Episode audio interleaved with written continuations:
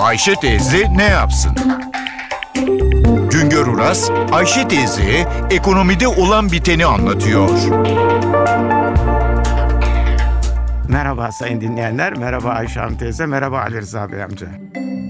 İnsanlar nasıl ki giderlerinin bir dökümünü yaparak gelirlerine göre nasıl bir harcama programı hazırlıyorlar ise ülke ekonomisini yönetenler de ülkenin yıl içinde elde edeceği geliri bir yere yazıyorlar. Sonra bu gelirin ne kadarının tüketileceğini, ne kadarının da yatırımlara harcanacağını görmek için benzer bir çalışma yapıyorlar. Buna da kaynaklar harcamalar dengesi deniliyor. Bu çalışma ile gelirin harcamaya yetip yetmediği, yetmiyor ise aradaki farkın nasıl kapanacağı ortaya çıkıyor. Türkiye'nin kaynaklar harcamalar dengesi çalışması Kalkınma Bakanlığı'nda yapılıyor. Yıllık program ile de açıklanıyor. 2014 yılında ülkenin toplam geliri yani milli gelirimiz gayri safi yurt içi hasıla cari fiyatlarla 1 trilyon 720 milyar lira olarak tahmin edildi. Şimdi bunu bir kenara yazıyoruz. Gelir belirlendikten sonra bu gelirin nasıl harcanabileceği konusunda da tahminler yapılıyor. Biz gelirin %20'si kadar yatırım yapmak zorundayız.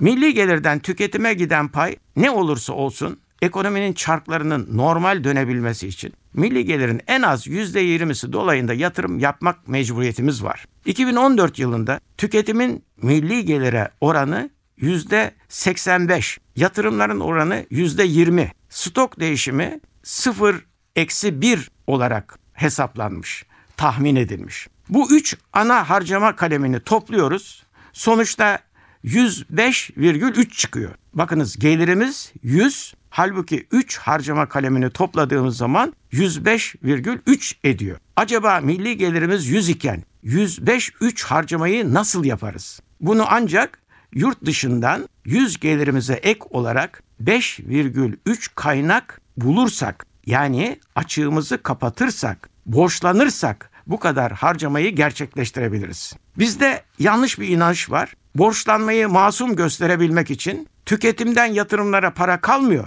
Borçlanarak yatırımlara para buluyoruz denilir. Hayır, bu doğru değildir. Bu borçlanma sadece yatırım için yapılmıyor. Büyük kısmı tüketime gidiyor. Tüketimi arttıran kaynaklardan biri de dışarıdan gelen döviz kredileri oluyor. İşte borçlanmayı masum gösteren yanlış yorum budur. Dışarıdan sallanan dövizin büyük bölümü doğrudan tüketim malı ithalatı veya iş tüketime dönük üretimin girdisi olarak tüketime gidiyor. Bunu bilelim de hesaplarımızı buna göre yapalım. Bir başka söyleşi de birlikte olmak ümidiyle şen ve esen kalınız sayın dinleyenler.